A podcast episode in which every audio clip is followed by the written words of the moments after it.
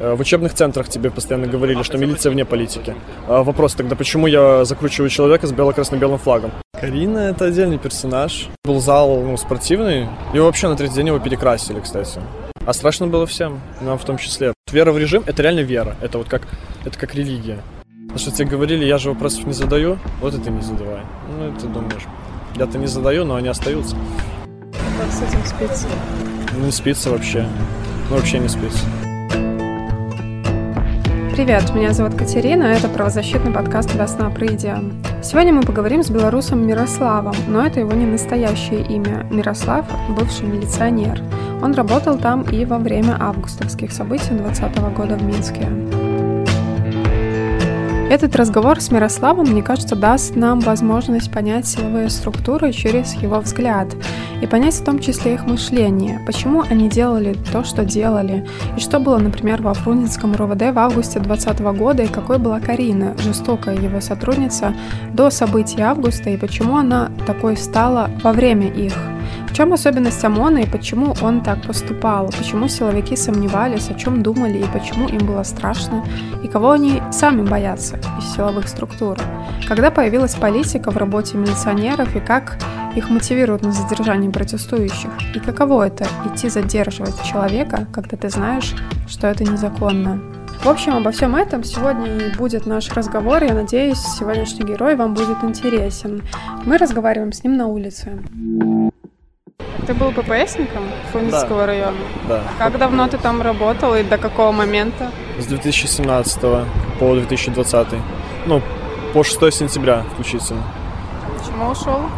Ну, в связи с тем, что приказы начинают уже касаться лично тебя. То есть даже если ты пытаешься делать все по закону, это не получается, потому что уже пошел прямой маразм, так скажем. Ты не можешь быть вне этого каким бы ты ни был хорошим парнем, там, как ты себя считаешь, как бы ты там пытался все это обходить, все равно это тебя начинает касаться. Э, и, ну, ты не можешь просто выполнять того, против чего ты сам выступал ранее, до всего этого. Ты же не можешь представлять закон, нарушая закон. Это же нелогично. Это началось когда? С августа или как? А, Мое подразделение это коснулось конкретно с августа. До этого не было никакой идеологической обработки там. А, мы вообще не знали, что такое политика, в принципе. До, до, до августа включительно, даже когда начались там задержания Тихановского, абсолютно вот эта вот а, клоунада, да, произошла, когда Бабарика уже посадили, получается, в СИЗО. Даже тогда никакой политической повестки именно в нашем подразделении не было. Мы конкретно поняли, что вот все, оно нас коснулось, ну, 9-10 числа когда весь Минск стоял на ушах, в принципе. И даже тогда, ну, слава богу, что у меня были очень грамотные с какой-то стороны командиры, которые как бы очень это все в обход обошли. Можно сказать, что Фрунзенская именно патрульно-постовая, она, наверное, меньше всего запятналась из э, именно обычных, э, ну, обычных милиционеров. Не ОМОН, если брать, а просто обычных как бы тех, кто людей, кто работали на земле с людьми. Можешь немножко объяснить структуру патрульно-постовая, чем она отличается от сотрудников Фрунзенского РОВД, потому что весна документировала истории людей, которые были в РОВД, и по нашим наблюдениям Фрунзенское РОВД было одно из или самое жесткое по да. пыткам. Что, а патрульно-постовая? А, дело в том, что раньше патрульно-постовая служба, это был полк патрульно-постовой службы, он не относился к э, районным управлениям. Это были отдельные роты, которые э, действовали под руководством э, районных управлений в момент выполнения какой-то задачи непосредственно. Так это было свое руководство. С какого-то времени полк расформировали, каждую роту прикомандировали к определенному районному управлению. И все равно э, у нас были начальники наши, как бы они РУВДшные, безусловно, но непосредственно начальники были у нас свои. И то есть мы могли... Это было, грубо говоря, подразделение в подразделении это немножко отдельная структура все-таки, если говорить по, про патрульно-постовую. И очень много людей из Фрунзенского РУВД, сотрудников, э, по какой-то даже, наверное, больше личной инициативе делали то, что делали. Потому что прямых приказов э, не было, ни письменных, даже устных не было. Я ни разу не слышал, чтобы там, да, там нужно провести там какой-то, знаете, ручеек, типа вот этот вот э, известный. Сделаем смонтированную паузу. Помните ли вы, что такое ручеек? Это когда задержанных в августе при выгрузке с автозака или машины избивали силовики. Когда мы выходили из машины, выбегали, там было еще жестче, потому что они была еще колонна, и там они жестко тоже. Когда ты пробегал, тоже лупили как могли. Это свидетельство потерпевшего Игоря Квятко. Его задержали 11 августа. Ну а сейчас мы возвращаемся к Мирославу. Или там нужно вот этого там запытать. Это шло откуда-то из людей. Прям какая-то, может, я не знаю, обида на общество, на социум. Uh, проецирование, наверное, каких-то своих неудач, то, что вот люди виноваты. Не виноваты там начальство, uh, дебильные законы, то, что у вас криво написано там, ну, ваша же документация, по которой вы работаете. Нет, виноваты почему-то для них люди. Uh, вопрос почему, ну, они не могут на него, не могли на него никогда ответить. Хорошо, а по, я не знаю, внутренним законам, или как правильно сказать? Сопровождение приказом. То есть э, то, что ОМОНовцы находились в РУВД, это как-то регламентировано вообще? Вообще, да, да. ОМОН э, это приданные силы являются вообще. Э, и ОМОН э, может, ну, он работает э, совместно с РУВД, он считается приданными силами. И да, то, что армия находилась в городе в момент, это незаконно. А ОМОН, ну, вполне. Правда, как они ну, выполняли свою работу, это уже второй абсолютно вопрос. Ну, у ОМОНа были приказы бить людей внутри РОВД? Я думаю, я не могу сказать точно, потому что я не слышал этого сам, но я уверен, что э, ОМОН же, в принципе, это такой инструмент, э, который выращивают, мне кажется, ну вот как я теперь думаю, именно для таких моментов. Они постоянно, ну, они сидят на базах, тренируются, э, в большинстве случаев, ведь там какие-то задержания опасных, там, да, условно, преступников, это делают там, как бы, отдельные группы ОМОНа, куда там нужно еще тоже попасть. А, а сам вот инструмент ОМОН, это я увидел, что его выращивали реально вот для, для этого дня, для вот конкретно этого случая. Возможно, у них были такие приказы, конкретно пожестче. Но опять же, никто не хочет брать на себя ответственность.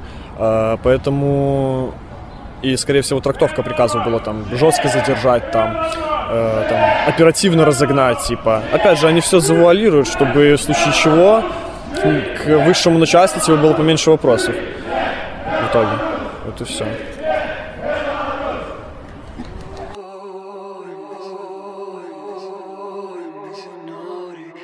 Что ваше ППС Фрунзенского района делало 9, 10, 11 августа? С 9 на 10 мы находились в РУВД непосредственно. Даже на, нас не выпускали, потому что начальство не понимало, что происходит. А, с нашей же стороны интернет же был выключен, и информация там какие-то, ну там с радиосообщений, понятно, что со всех районов э, начинают приходить, там-то люди собрались, там-то типа что-то кто-то кинул, там поджог. Ну и эти обрывки информации доходят до нашего начальства, и они не знают, что с этим делать. То есть выпускать опять же в район, чтобы что там делать. Было такой сумбур и непонимание. Как бы, поэтому мы находились в РУВД. А работал там уже на Пушкинской, насколько я ну, знаю, тоже из средств массовой информации. Алмаз, там, СОБР, возможно. На самом деле, кого там могло только не быть, потому что познавательных знаков, опять же, там не было. А вот с 10 на 11 мы уже ездили в районе. Мы уже ездили в районе, и нам повезло, что над нами не было как бы ока такого всевидящего. У нас был автобус с нашими командирами, с нашим личным составом, и не было человека извне, который мог бы там, ну, увидеть непосредственно, что мы делаем, типа там э, сказать там по поводу, как мы там работаем. Поэтому, если нам говорили, там, допустим, поедьте туда, там-то собрались люди, обычно наш этот автобус, он просто проезжал мимо. Ну, как бы люди расходились, видя автобус, мы не останавливались. Потому что, ну, во-первых, было страшно на самом деле. Потому что мы же не знали, что люди вышли именно спросить, то есть, а в, в чем дело. Потому что э, многие сотрудники думали, что люди вышли именно уже конкретно на бой. Ну, потому что у них украли голоса, в том числе и мой голос тоже был украден, как бы. За кого ты голосовал? За Тихановскую, естественно. За кого можно было еще голосовать, типа. А, и э, много сотрудников, которые уволились, я уверен, у них было в голове такое, что вот сейчас пройдет три дня, э, силовики там и высшие там чины какие-то, они увидят, что ну все, типа, все очевидно, всю картину, и мы просто перешьем кокарды там, снимем э, герб, э, ну, вот, вот этот вот, да, и перешьем на погоню, что у нас там флаги, мы там перейдем на бело-красно-белый, мы там пройдем переаттестацию, все, и будем дальше работать. Что-то пройдет мимо нас, но нет. Просто люди, ну вот силовики осмелели, именно вот тот процент, который увидел, что, а, так нас пришли не бить, у нас пришли спрашивать, а за спрос не бьют, но в Беларуси, к сожалению, бьют, поэтому они начали бить, и все, и удержались, то есть... А страшно было всем, нам в том числе, поэтому э, мы же патрульно-постовая служба, нас никогда не натаскивали на такие вещи. Ну, и был страх определенный. И, ну, не хотелось, как бы, вообще не себя подвергать опасности, не... Потому что все равно в голове был вопрос, а за что? То есть ради чего? Ну, все же, все же понимали, что выборы сфальсифицированы, что эта цифра нарисована, такого невозможно. И вопрос а что ты делаешь на улице? Э, в учебных центрах тебе постоянно говорили, что милиция вне политики, что вы просто охраняете общественный порядок. А вопрос тогда, почему я закручиваю человека с бело-красно-белым флагом? Ну, что он нарушил, по сути? И вот эти вот все вопросы, они, конечно, не давали делать ну, то, что делали определенные люди. Теперь переместимся во Фрунзенское РУВД 9-11 августа 2020 года. Вот, коротко, свидетельство двух человек, побывавших там. Во Фрунзенском там уже реально пытали, там поставили на колени, заставляли, ну, кто заснет, там а, постоянно били дубинками и, получается, не спали почти двое суток. Там люди просто орали. А, некоторых видел, как а, просто волокли за наручники, получается, он потерял сознание, и просто за наручники волокли и приковывали к батареям, там, к перекладинам, ко всему. Одного хлопца они сапраўды пыталі таким чынам, што адзін стаў на ногі на костку, другі стаў ногой на спину, а третий подсунул ему под нос ботинок с копцовой. ППСники э, были внутри французского РВД, когда там были пытки? Ты там да, был? Да, Мы проходили, а, получается, когда вот этот был зал ну, спортивный. Э, его вообще на третий день его перекрасили, кстати.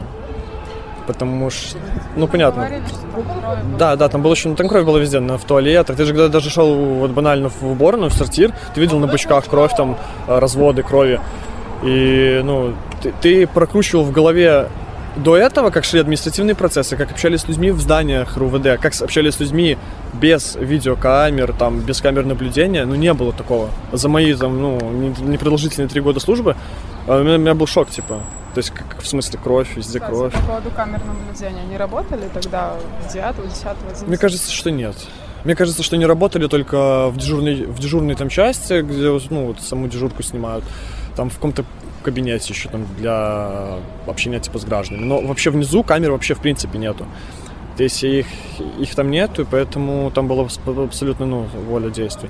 Нас не пускали никуда. Нам командир, э, он посадил нас, получается, на стокольный этаж, э, дальше спортивного зала. Там есть просто как бы комната, где стоят э, щиты, спецсредства, и мы сидели там, и нам сказали вообще не, вздум, не вздумайте выходить, потому что, опять же, были сотрудники ГУСБ, которые снимали, документировали все на камеры. То есть кого-то избивают, он стоит это и снимает. Ну, ясно для чего, чтобы потом на белом коне прискакать, положить папку на стол, сказать, так я сделать ничего не мог. Но я снимал зато вот, смотрите.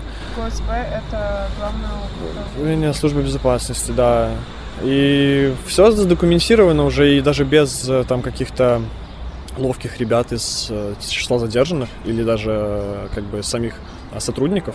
У, все, у ГУСБшников есть все эти видео, то есть мне кажется, там уже дела все собраны, они просто лежат ну, как бы... Собрано на кого? На сотрудников. Сотрудников? Все собрано, просто это не идет никуда дальше. Но они лежат. Я уверен, что они есть. На каждую. Но почему? Ну, понятно же, что мы имеем кучу дел на людей пострадавших, их привлекают к уголовной ответственности, ни одного дела на силовика. Потому что сейчас силовая структура чувствует, что она сильная. Ну что, ей нечего бояться. А зачем кого-то привлекать? Зачем наводить панику внутри э, своего коллектива? То есть, как только бы э, было возбуждено первое уголовное дело там, против ОМОНовца, сразу же полетели бы рапорта, сразу стали бы сдавать друг друга. Я уверен, что там, ну, 50, а то и больше на одного непосредственно своего начальника сразу слились бы там в телеграм-каналы, э, опять же, в независимые правозащитные центры.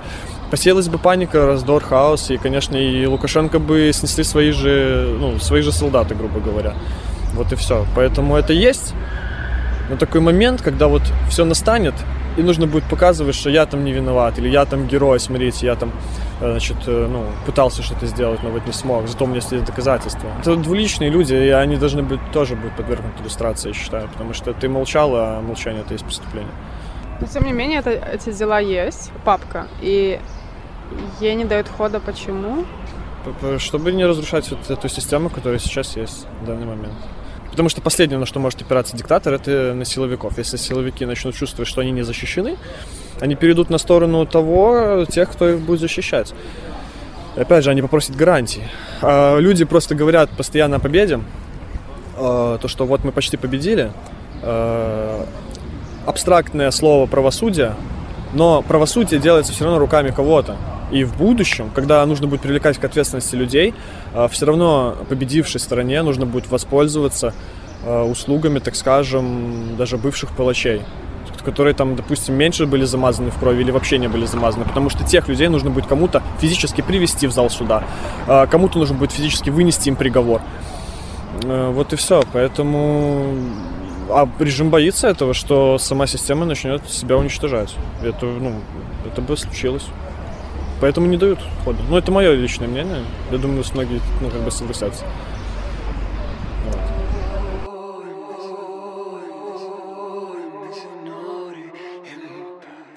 На там одну женщину видел. Мне что убило, что она без маски ходила. Я запомнил ее. Такие белые волосы курчавые. И пацанов била, и ну, как бы издевалась над этим и над этим. Ее там уже прозвали между, уже как, уже кличка мне даже пошла, там, Кончита. Хлопцы, которые остались на ночь лежать на подлозе, кому не хапило места там на поверсе, у камерах, они сказали, что была женщина, якая наумысно ставила и здеквалась з их.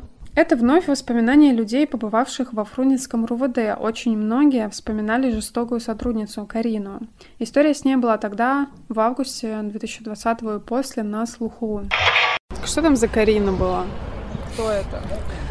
Карина — это отдельный персонаж, который, скажем так, это человек такой, который, наверное, если бы не пошел в милицию, был бы очень хорошим человеком но случилась какая-то профдеформация в какой-то момент. Просто когда я уже пришел в роту, она уже, естественно, была, работала дол- дол- долгое время. И что касается профессиональной деятельности, ну, она была не совсем э, компетентна даже тогда, когда не было там массовых каких-то волнений. Это проявлялось просто в бытовой обычной работе, отношение к людям, деление на наш контингент. Вот это тоже интересный момент, что в милиции людей делят наш контингент, а нормальные люди – а на какой поставят? Это не политическое? Нет, типа? нет. А это, что? короче, наш контингент, это, допустим, зэки, э, всякие попрошайки, бомжи, там люди, у которых есть много э, приводов в милицию, в принципе, они не считают их, наверное, как бы, ну, у них нет понятия, что это граждане, что вот эти люди, это все равно итог вашей системы, вашей государственности. Это такие же люди. И вот Карина, она как раз-таки была ярким вот этим вот э, проявлением э, именно идеального милиционера вот этого, который нужен был системе. А, я же ни при чем, я же вне политики, я же там, ну, э, вот я там как бы санитар улиц, да, там э, провожу работу там с бомжами, типа с, там, с алкашами такими уже, э, да, ну вот прям, которые не работают и просто пьют, допустим, там сидят на шее. И я вне политики, но как только наступил час, она спускается в этот зал, и начинает творить то, что творит.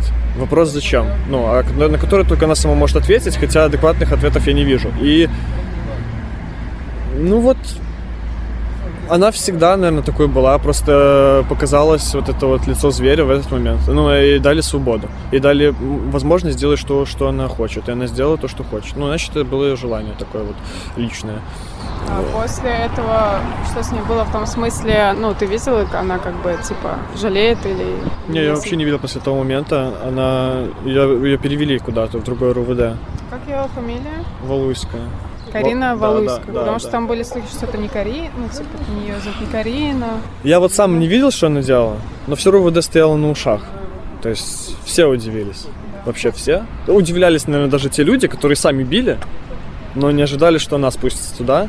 Приказа не было, ни командира непосредственно, ни командира взвода, ни нашего ротного. Они все сами сидели и задавали вопрос, зачем. И поэтому быстро ее как бы ну, перевели. Но она где-то тоже работает. Мне Её кажется, не- уже она не работает. Я слышал, что она уже не работает. Вот. Ну, как бы Сказать, что я тогда удивился, ну, не, я не удивился на самом деле. Я подозревал, что ну что-то такое вот она и сделает в итоге. Она исполнит. Она исполнила как бы.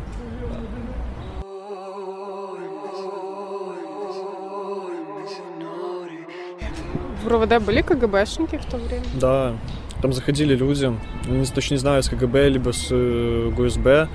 Скорее всего, с КГБ, потому что когда они вышли, тоже командиры сказали, все, сидите, не выходите, даже там курить, типа, не нужно, типа, идти, все, там, в туалет потом. Мы просто сели в своей, там, ну, комнате со спецсредствами, просто сидели, ждали, пока они уйдут, потому что не знаю, с какой целью они приходили, опять же, они там заходили к задержанным, проходили по РУВД, общались, наверное, с, ну, с начальством вышестоящим. Но вот наши командиры говорили, что лучше вообще на глаза не попадаться. Даже внутри системы есть вот эта вещь, что их... Да, да, да, конечно. Они могут банально проверить телефон твой, ну, остановить себя, да. Там проверить, ну, это же КГБ, можно все. Как бы. И они могут просто посмотреть твой телефон, ты там на что-нибудь подписан, твои погоны быстренько слетают, там, и все. Потому что начинают подозревать всех. Сливы информации пошли, там говорили отписываться от телеграм-канал, а все, ну вот, Сейчас опять сделаем паузу, и я предупрежу, что закрашиваю белым шумом название телеграм-канала, признанного экстремистским, и поэтому как бы его нельзя называть, э, потому что он признан экстремистским, но как бы как есть.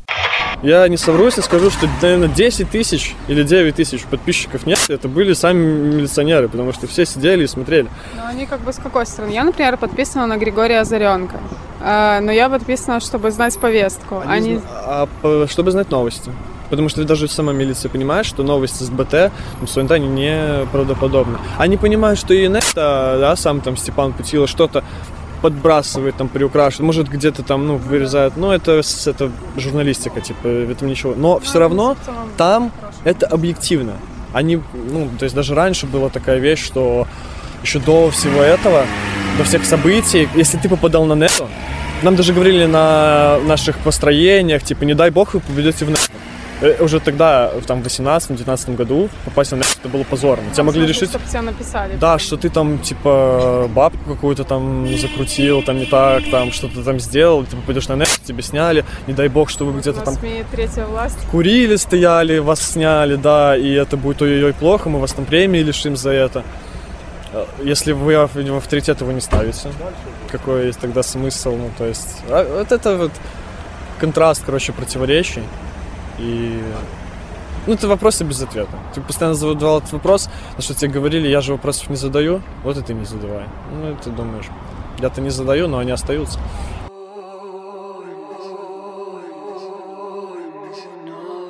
Когда ты принял решение уйти с этой системы?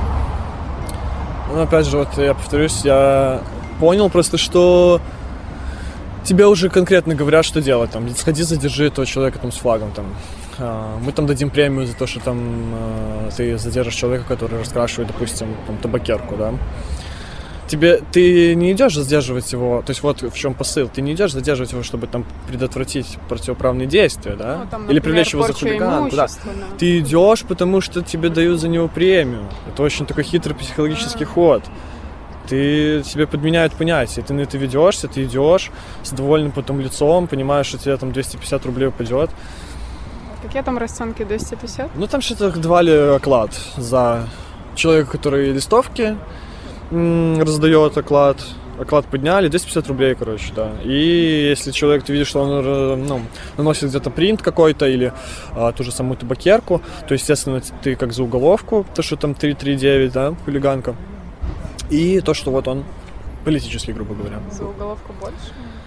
Ну, это в, в довесок. Типа вот ты там и преступление как бы раскрываешь, и вот э, по линии как бы политической, то, что он там пикет 23-34 туда-сюда, и вот тебе там денежка, условно. Там на ГУВД подается письмо, и тебе, да, как классному парню, э, патриоту в кавычках, дают вот э, денежку. Но это, это как бы все неформально, или все-таки это прописано реально? Нет, типа, это... что вот э, задержишь политического? Это не прописано, но это так описывают потом в рапорте. То есть, в принципе, это написано другими словами совсем. А так как они пишут, их формулировки, они очень такие размытые, туда можно под эту формулировку подставить что угодно. Вот и все. То есть, по факту, ты предотвратил, как бы, ну, задержал преступника, хулигана. И из-за этого тебя, тебя премируют, премируют, ну, премию выписывают. По бумагам все чисто, ну, ты но на самом деле, но на самом деле, ты, ну, все понимают, что происходит. У нас человек, ну, я на Пушкинской стоял, когда там была надпись, когда соль, была история с солью, типа охраняют соль. Вот, и там ходил парень с листовками. И я когда его увидел, я начал идти к нему быстрым шагом и думаю, просто думайся увидеть меня и убежать. Но он этого не сделал, он ловил ворон. Я подошел к нему и говорю, тебе лучше уйти, потому что, ну, буду не я, и ты поедешь на сутки. Он понял, да, спрятал листовки, ушел. Ну, как бы, вот так происходила работа на Пушкинской, пока ты там находился с напарником своим, когда вы там были вдвоем. Но потом приезжали просто с РУВД люди, и начинался там задержание, газовый баллон, это, это все, э, там, удары палками, ну и прочие вещи, как бы. И ты понимал, что, ну, толку ты, ты отстоял весь день, никто не получил ни протокола, ничего. Э, люди приходили там, кто ложил цветы, э, кто там, ну, выражал свое мнение, да. Ты настроил такую работу, что, ну, и вам, и нам приезжают люди повыше, делают тебя виноватым, что ты плохой, еще всех людей забирают на сутки. Потом ты смотришь, как это человек уводит, он смотрит в твои глаза, и в, в голове такая ментальный диалог, типа, что ты же мне обещал, и ты говоришь ему, ну я тебе, да, обещал, но извини. И все, его уводят просто в, бу- в бус, и он уезжает, ты понимаешь, что он будет сидеть 15 суток. Как с этим спится? Ну, не спится вообще. Ну, вообще не спится. Ну, сейчас-то спится, а тогда нет. Ну, когда ты... Вот эти метания были, увольняться, оставаться, увольняться, оставаться. И ты просто э, думал, а что тебе скажут. Вообще, вот, вот ты будешь уходить, а что... А потом ты ловишься на мысли, что а какая тебе разница, что тебе скажут люди, э, которые живут в вакууме, в своем мире вообще. Они не смотрят там дальше своего носа. У них в жизни ценность это машина, квартира э, кредитная. Как Олег? Да, да. Как вот, ну, как они там отнесутся, допустим, к твоему решению. И ты просто понимаешь в этот момент, себя как вода просто, с- с- ну, вот, что тебе вообще не важно, что скажут. Но все-таки среди коллег были еще такие, как Да. ты, метающиеся. Да, не увольнялись. В любом случае, до меня уволилось два человека, три. Вместе со мной ушел мой товарищ. Потом еще уходили люди за всю осень, там человек шесть точно, мне кажется, ушло. Э, Остались люди, которым чуть-чуть до пенсии, либо у которых контракт и деньги. И они просто не верят фондам. Ну, они не верят, что и, а, как бы заплатят. Ну, такие люди, которые уже, они стараются от этого всего быть максимально далеки. Они, наверное, где-то в- душе понимают, что это все неправильно, но они продолжают работать. Как бы. Не знаю, я их, наверное, не осуждаю. Потому что я все равно понимаю, что тоже там семейный какой-то скандал, ну, реальные вещи, которые ты должен заниматься работой, все равно как бы нужно делать. В любом случае. Лучше пусть они будут, чем наберут новых молодых э, людей, которые осознанно идут в, этот, э, в это время в милицию и промоют мозги. Лучше это пусть, пусть какой-то будет 30-летний прапорщик, который понимает, что и как, и отмолчится где-то, и поедет э, реально делать работу, где-то закроет глаза на флаг, чем это будут новые цепные псы, которые будут с- остервенело за 250 рублей хватать всех, ну, кого попало. Ну, я так считаю. Ну, ты, может быть, слышал про... Тоже был бывший милиционер Кулаковский, и он захотел уволиться, и его, собственно, посадили на сутки, ему на- накидывали еще больше суток, он сидел месяц на Крестина, потом он пошел по уголовке, и все это он расценивал как просто месть за то, что он ушел. Ну да, Но- есть такие ситуации. Смонтируем. Вот слова самого Дмитрия Кулаковского после приговора по его уголовному делу. Ему тогда дали химию, э, наконец выпустили, мы поговорили у здания суда. Вы сказали, что справа против вас фабрикованная. Да, полностью. Меня, меня держали на кресте на 25 суток в карцере в октябре месяце для того, чтобы я подписал признательные показания. Поэтому все материалы по уголовному делу были собраны, ну, абы как, рассчитывая, что они меня на кресте сломают, и я подпишу все, что им надо, они подгонят это дело, ну, чтобы не- нельзя было там ни до чего докопаться. Вам казали на кресте на супрацовники, что сте на конт вашего звольнения? Предатель? Так и Да, предатель. Ну, вы таким себе не, не лишите. Нет. Я ни- никого не предавал, выразил свою гражданскую позицию, на которую имеет право любой человек. Просто тут дело зависит от твоего начальника непосредственно и захочет э, твое, твое отношение, твой климат, какой был в коллективе, к тебе как ставились, как относились, а от адекватности твоего начальства и захотят ли они на тебе отыграться и преподнести тебя как э, врага народа. Ну, то есть народа в кавычках. То есть ты мог тоже быть в такой ситуации, но мог, просто... если бы мне не, если бы мне не повезло, то мог. Ну, я просто без рапорта, без ничего. Я ушел очень резко. Я просто, грубо говоря, вчера еще работал, вообще ничего не говорил по поводу увольнения, вообще ничего. И следующим утром просто пришел, положил удостоверение, сказал, я все, я не работаю, я не выхожу на работу, и все, я ушел. То есть там не даже... подписывал ничего. Не, вообще ничего. Подписывал обходной лист. Ну, там сдавал форму, что-то такое было. Потом ты... Ну, можем говорить, что ты в Да. Украину уехал, да? Э, Ну, это, я или это... уехал через два месяца только. Я еще два месяца жил в Минске. Я пытался там найти, ну, я нашел работу э, и как бы ходил на акции. Извини, бывший мент ходит да, на акции. да. Ну да, конечно. Ну а как? Ну ты же не можешь сидеть дома. Ты же не Ты там можешь. видел своих коллег с другой стороны? Не, коллег не видел именно, с кем кто работал, нет. Они уже тогда меньше привлекались. Уже конкретно был ОМОН, э, внутренние войска. Там уже... Я еще помню, э, рассказывали, я не знаю, сколько это правда, но говорили, что именно бывших силовиков, которых ловят э, на акциях, что с ними отдельный разговор от ОМОНа. И, типа, ну, в том смысле, что ты предатель, и с тобой нужно как бы по-другому. То есть ты вообще бывший милиционер в Беларуси, он вообще социально никак вообще не защищен, от слова совсем. С тобой могут, мне кажется, делать, если ты бывший госслужащий в Беларуси сегодня, ты остался там, с тобой могут вообще что угодно. Ты можешь просто потеряться неожиданно, хотя и обычные люди теряются, а ты тем более. Поэтому это небезопасно. Если ты хочешь э, просто ну, участвовать дальше в гражданской жизни Беларуси, ты бывший силовик, э, мне кажется, целесообразно уехать из Беларуси. Это точно. У них же все данные на тебе есть, абсолютно все. Они захотят, они тебя найдут в любом случае, как бы ты ни прятался. Либо второй вариант, если бы вот это вот осозна- осознание силовиков было бы очень массовое. И, ну вот, организовалась бы реально какая-то сила, конкретно физическая. Только тогда. А так, пока вас отс- вы отщепляетесь по чуть-чуть, по какому-то маленькому проценту, вас просто будут, ну, давить, как бы, и все. Единственное, что вы можете сделать, либо оставаться в системе, помогать тому же байполу, там, другим инициативам, информации, либо увольняетесь и уезжаете просто-напросто, и все.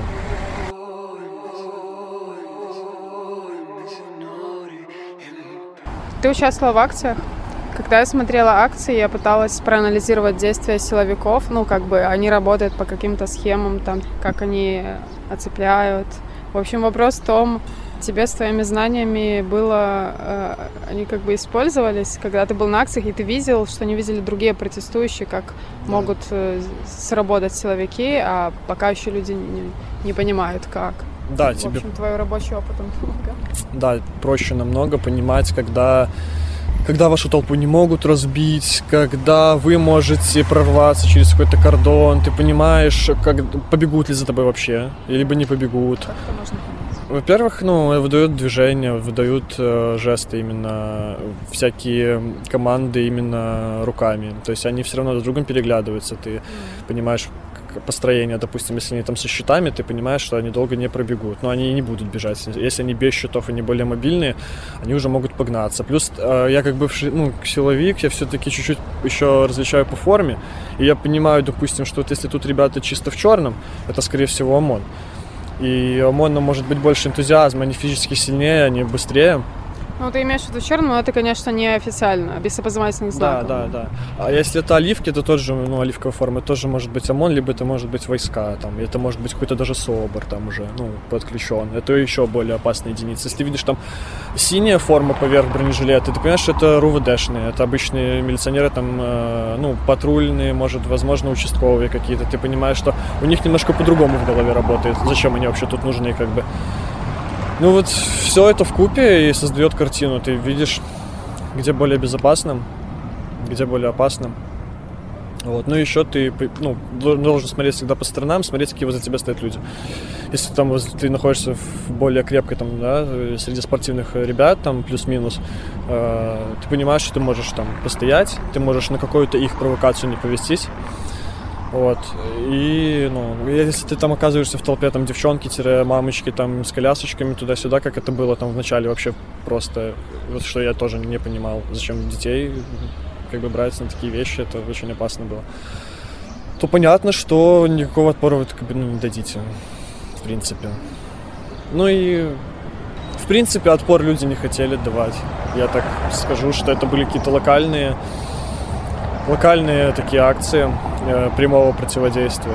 Но в основном в своем ведь все эти как бы попытки там что-то показать, коктейли Молотов где-то полетели, еще что-то, это же были, мне кажется, провокации от КГБ. Да. Просто они протестующие? Когда протестующий кидает коктейль Молотова, он кидает его в милиционера с целью его поджечь. А когда бутылка не долетает, там чуть-чуть совсем метров, и когда это там не одна бутылка не долетает, а 7, 8, 10, то понятно, что это не протестующие, это КГБ. Все вот эти вот э, акции типа силы, которые не доведены до конца, когда человек решается просто это сделать, он всегда это будет доводить до конца, неважно в каком состоянии, там, аффект или на морально-волевых. Но эта бутылка, она долетит. То, что я видел на видео, это, мне кажется, это специальные провокации были, чтобы дискредитировать протест. Ну, подло, да, но сработало в итоге. Они дали себе мнимый карт-бланш. Они заставили своих же людей поверить, что их миссия, она правильная. Что они не допустят такого, как крылатая фраза «на Украине», да, а, мы не допустим Майдана. И они как бы показали своим же щенкам, что вот, смотрите, ну вас хотят сжечь. Но их не хотели сжечь. В том-то и дело. Последний вопрос, который я задала нашему герою, вот о чем. Его я повторю здесь в монтаже. Когда в отношении человека начинается административное или уголовное преследование по политическим мотивам, то в его деле и на суде в качестве свидетелей практически всегда выступают ОМОНовцы. И это довольно привычно. Для меня, по крайней мере, потому что я наблюдала это на административных судах по 23-34 еще и два года назад. И такая практика вообще была задолго до августа 2020 года. Правда, конечно, не в таких масштабах. Ну, и тут как бы ОМОН есть ОМОН. Но после августа с начавшимся потоком уголовок я постепенно обнаружила, а, как вот в таких судах начинают выступать и лжесвидетельствовать, э, и, скажем так, более обычные и как бы безобидные представители милиции, например, гаишники. Так было, к примеру, на суде над Алексеем Стерликовым. За ним 23 сентября, в день тайной инаугурации Лукашенко, погнались гаишники. Брутально его задержали, а потом свидетельствовали против него на суде. Вот кусочек аудио с его задержания из суда. Лежать, сука! Ну, руки за спину, быстро! Сказал, руки за спину. Вторую руку за спину! Ты что сделал, а? Я ничего не знаю. Что ты сделал? И если ты говорил о том, что с ОМОНом, как ты сказал, что с ним все понятно, ну а почему это делают другие? Совсем, ну, не, не, не такая милиция, более простая. Гаишники, например. Это люди, которые уверовали в систему. Ну, они не ОМОНовцы, но это образ мышления такой, что вот все беды из-за них, что я вот тут уже там не сплю сколько-то суток, потому что вот они вот, а, как бы мы должны держаться вместе, типа своим там коллективом, а вот это все враги. Либо он уже запятнался, и у него нет выбора просто. Он понимает, что на него есть, даже если он уволится или он откажет что делать, и э, просто он перевернется, он станет э, на место тех, против кого он там что-то подписывал. Два варианта. Либо человек реально уверовал, просто я считаю, что ну, вот вера в режим это реально вера. Это вот как, это как религия. Э, ты просто веришь во что-то в, в, в Лукашенко, да, и думаешь, ну, это единственная миссия, которая нас спасет. Потому что других объективных там каких-то ну, версий, почему люди это делают, я не вижу. Ну, человек просто не хочет видеть э, очевидные вещи. Ну, я, я, там, там не нужно быть каким-то, иметь дар убеждения, быть очень хорошим оратором, чтобы донести человеку, что он делает ну, что-то неправильно. Это лежит на поверхности. А если он этого не видит, то это слепая вера. Просто в режим. Либо страх. То, что он уже что-то сделал не так. Это как, ну вот, из мафии не выпускают, как, да, вот из семей. Ты не можешь просто взять, сказать мафии, я там пошел, все, я не буду. Нет, так не бывает. Тебя должны отпустить. Так и там. Либо тебя отпускают, ты тихо, мирно сидишь, и потом, не дай бог, ты там свой хвост поднимешь, чем, да, там, выше, чем тебе дозволено. Либо ты остаешься там, пока тебе не разрешают. Вот это такая вот вещь. То есть это бессилие, даже бессилие силовиков перед властью. Это, ну, это очень позорно, на самом деле. И я вот это связываю с тем, что министра внутренних дел у нас не было с 90 какого-то года. У нас есть министр, как бы, внутренних дел, но это не Беларусь. А это, а они, да, и это очень большая, на самом деле, ментальная такая вот вещь, значимая. Потому что, ну, только Беларусь будет э, яро, прям открыто болеть за свою правоохранительную систему, которая будет охранять своих же белорусов. Если ты, ну, как бы приехал откуда-то, ты уже не будешь понимать, это будет уже не так. Ты будешь э, переступать э, как бы свою совесть более легко, так скажем. Отмечу, что в октябре 2020 года министром МВД стал Кубраков, рожденный в Беларуси, но ситуацию, видимо, это не сильно меняет. Это такая в голове такой бзик у них. Просто диалог, приведу в пример, чтобы описать мысли вот этих гаишников, там, участковых. Я стоял с участковым и ехал машина, Ягуар, там, какого-то хорошего года, классная машина. И у него был растянут э, бело-красно-белый флаг на крыше. За рулем сидел парень э, как бы такого презентабельного вида, да, явно он там работает либо в IT-сфере каким-нибудь, там, руководящий пост, да, занимает, либо в какой-то компании. И вот он становится на светофоре, сигналит знак солидарности возле места убийства, да, Тарайковского. Стоит участковый, смотрит на это все, и он выдает фразу, которая ну, просто нее не нужно ничего комментировать. Он говорит, вот что ему не хватает в жизни? Вот на такую машину заработал. Была бы у меня такая машина, я бы вообще бы не, ничего бы, ни новости бы не смотрел, не, не ходил бы голосовать и ничего бы не делал. Вот и все. Вот, машина. Это мышление холодильника в голове. Пока есть еда, все хорошо. Закончится еда, будет бунт на такой же волне вот этого мышления холодильника пришел Лукашенко. Дал людям чуть-чуть и на чуть-чуть того, что нужно было, самого необходимого. И удержался насчет этого. И теперь также думают э, силовые структуры. Была бы у меня квартира и машина, я бы вообще ничего не делал. Вот и все. Все ценности.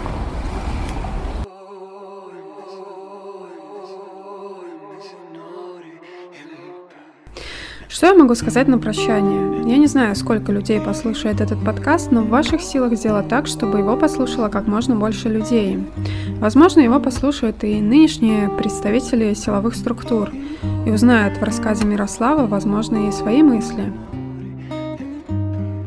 Наверное, это я и пожелаю в конце. Будьте ответственны сами перед собой, перед своей совестью и выбирайте собственный путь. Теперь я to the bar.